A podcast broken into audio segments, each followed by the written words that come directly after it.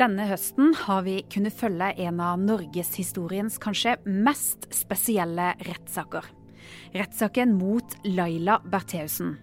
Hun er samboeren til Norges tidligere justisminister, altså den øverste sjefen for politiet i Norge. Men hva handler egentlig denne saken om? Og hvorfor er så mange interessert i den? Det er så spesielt at jeg kan ikke tenke meg noe som er i nærheten engang i norsk historie. Du hører på Forklart junior, en nyhetspodkast for barn. Jeg heter Margrethe Skeie og jobber som journalist i Aftenposten Junior. Er du klar for å høre mer om dette mysteriet?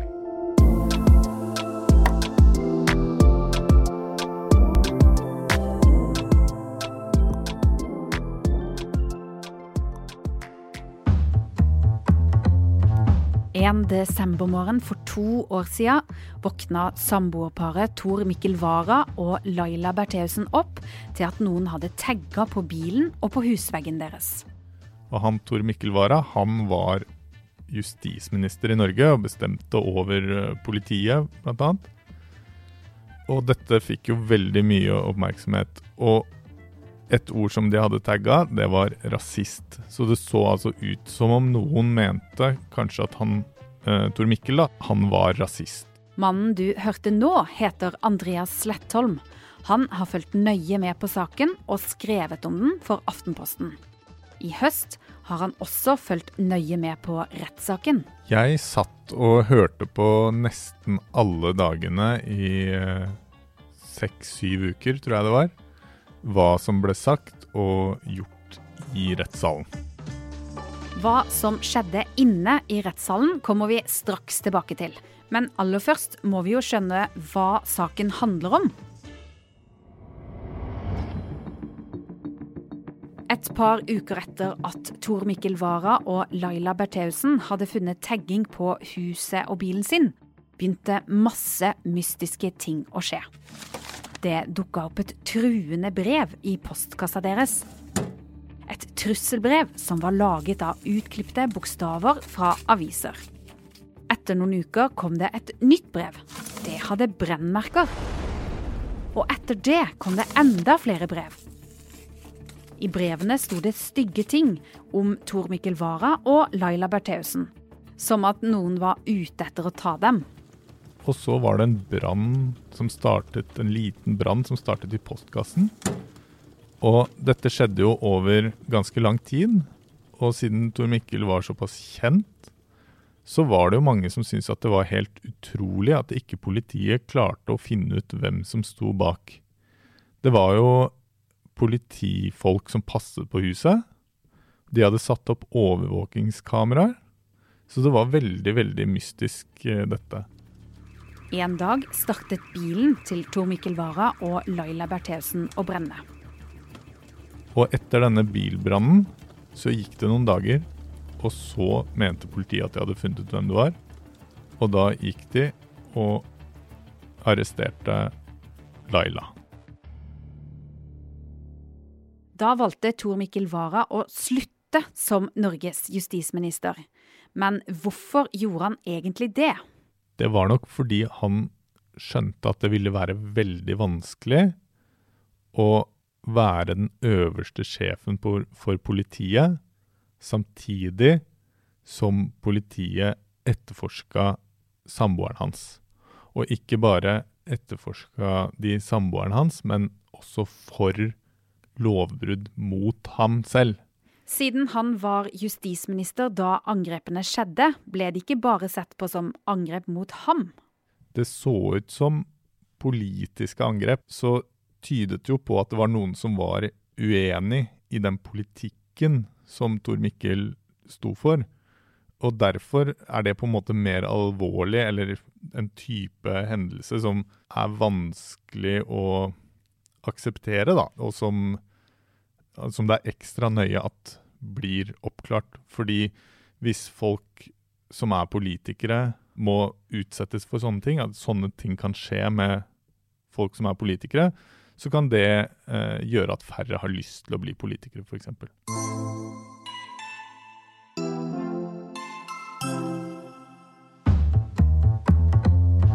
Helt siden Laila Bertheussen ble arrestert av politiet, har hun sagt at hun er uskyldig. Men politiet er altså ikke enig i dette. Laila mener at hun ikke har gjort dette, og at hun er et offer her. Fordi disse tingene har jo skjedd med hennes bil, med hennes hus eh, og i postkassa hennes. Så hun mener at politiet ikke har klart å finne eh, riktig gjerningsmann eller gjerningskvinne. Rettssaken mot Laila Bertheussen varte i flere uker i øst. Der måtte politiet prøve å bevise at hun er skyldig. Men hvordan beviser de det?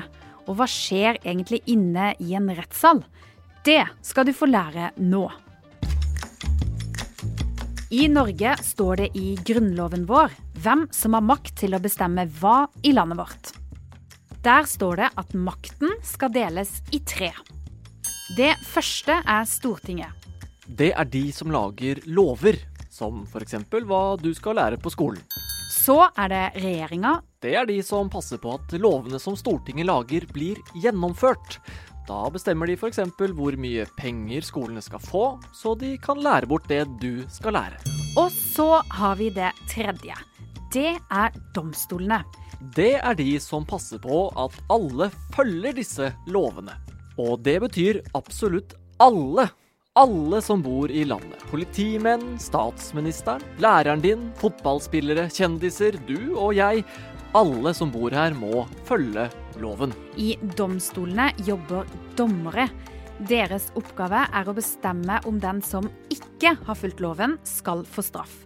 Og de skal være helt upartiske. Det betyr at de ikke bare kan tro at noen har gjort noe galt. Alt må bevises for at noen skal havne i fengsel.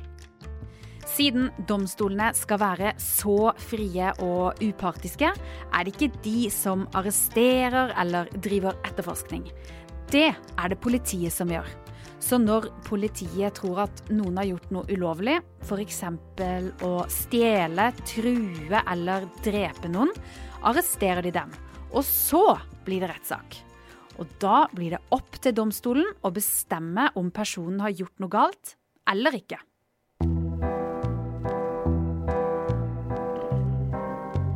En rettssak foregår alltid i en rettssal.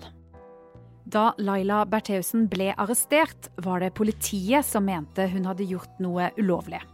Så i denne rettssaken sitter Laila Bertheussen på den ene siden av rommet, og politiet på den andre.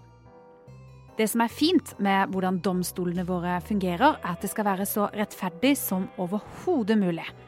Derfor har både politiet og Laila Bertheussen én advokat hver. Sånn at de kan masse om loven og om eh, reglene for dette. Og det er egentlig de som snakker hele tiden. Først skulle politiet sin advokat prøve å bevise det politiet tror har skjedd, og funnet ut i etterforskninga si. De har sett på veldig mange forskjellige eh, ting, og etter hvert som eh, de har etterforsket videre, så har de jo funnet ut sånne ting som at eh, det er bevegelse på iPhonen hennes, hvor hun har en sånn app som har vist at hun har bevegd seg med denne telefonen når de forskjellige tingene har skjedd. De har undersøkt eh, papir og frimerker og konvolutter som de finner ut at ja, hun har den type frimerker og papir og konvolutter hjemme hos seg. De har funnet en bensinkanne som, uh, i garasjen som uh, ikke har vært helt full, og som de mener da, kombinert med mange andre bevis her, så er det så mye som peker mot henne. Og så i tillegg så er det jo da at kameraene som jo var der, de har jo slått seg av på litt uh, mystiske anledninger, da, og da mener de også at det er hun som har skrudd av de kameraene for å skjule spor. Én ting er bevisene politiet har funnet, men hvorfor skulle Laila Bertheussen egentlig ha gjort dette? Det er det mange som lurer på.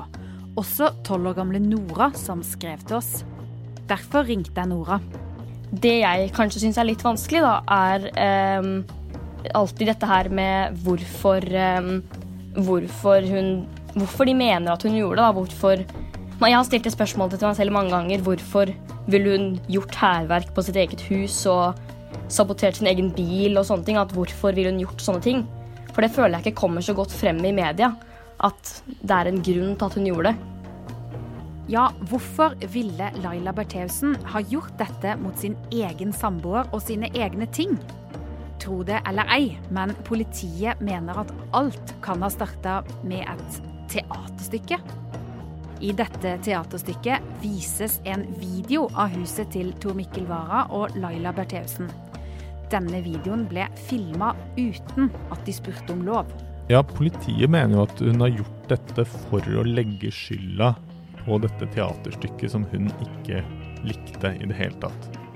Og eh, i rettssaken så har det også kommet frem at hun var veldig, veldig opptatt av dette teaterstykket. Hun googlet alle de som sto bak. Hun gikk inn og tenkte at hun skulle liksom lage et slags kunstverk mot teaterstykket. Og hun, det er ikke noen tvil om at hun var veldig, veldig veldig opptatt av dette og syntes at det var så urettferdig det, det teaterstykket hadde gjort og sagt om bl.a. samboeren hennes, at hun liksom ikke klarte å slippe det.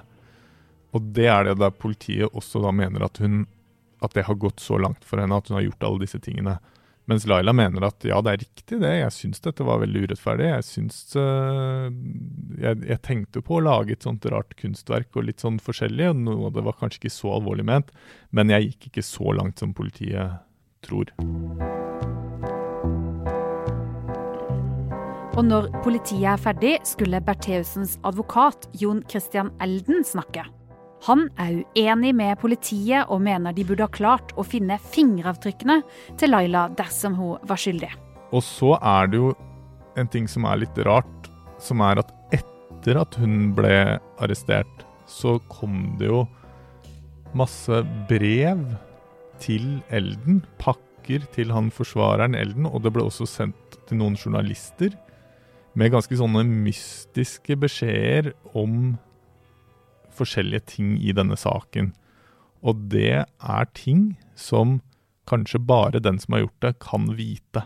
Så politiet mener altså at det er Laila som har sendt det. Men da sier Elden at ja, men i hvert fall av disse, en av disse pakkene, de er sendt fra Sverige på et tidspunkt hvor hun ikke var i Sverige. Og det har ikke politiet noen ordentlig god forklaring på. I tillegg til å legge frem beviser, snakker advokatene også med mange vitner. Altså folk som kanskje vet eller har sett noe, og de stiller spørsmål til den tiltalte, altså Laila Bertheussen. Og alt dette tar lang tid. Rettssaken til Laila tok syv uker. Det er nesten en hel sommerferie. De var ferdig litt før halloween og siden da har dommerne diskutert hvem de tror på.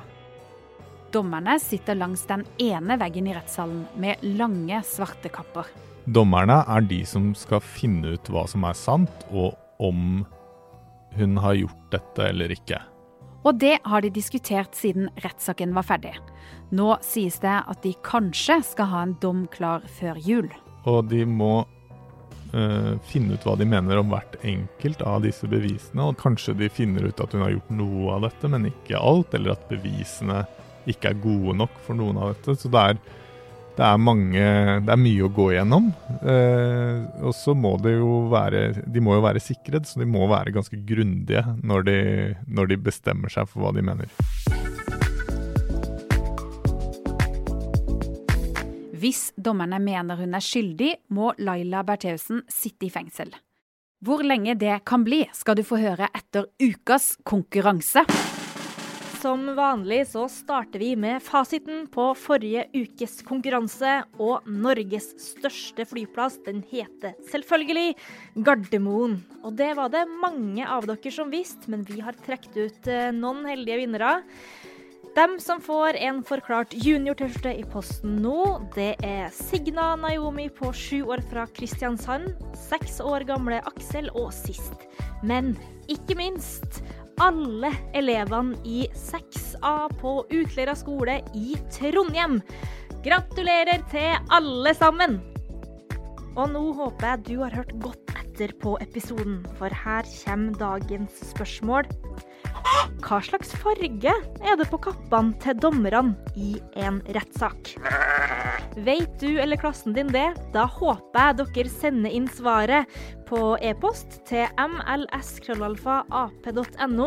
Og vinnerne får selvfølgelig denne flotte Forklart junior-T-skjorta.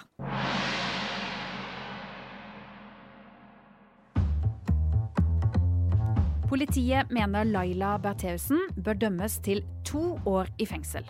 Dommerne kan velge å høre på det, eller de kan velge å gi litt kortere straff. Ja, nå har du lært masse om hvordan rettssystemet i Norge fungerer. Men her kommer én siste liten ting til. For om dommerne bestemmer at f.eks. Laila Bertheussen har gjort det, og hun må i fengsel, kan Laila Bertheussen si Nei, det er jeg ikke enig i. Og da skjer det noe som heter anke. Det betyr at alt det vi har fortalt om nå, ja, det må skje en gang til. Det betyr at hele rettssaken skal skje en gang til, med nye dommere, også i en ny rettssal. Eh, men de dommerne de skal da se helt bort fra alt som har skjedd i eh, rettssalen nå i høst. Og de starter på en måte med blanke ark. Sånn at da skal de, da skal de eh, høre på alle de samme forklaringene på nytt, og kanskje det dukker opp noen nye beviser, eh, kanskje ikke. Men det er en del av den måten vi gjør det på i Norge, for å uh, være sikre på at ikke uskyldige blir dømt.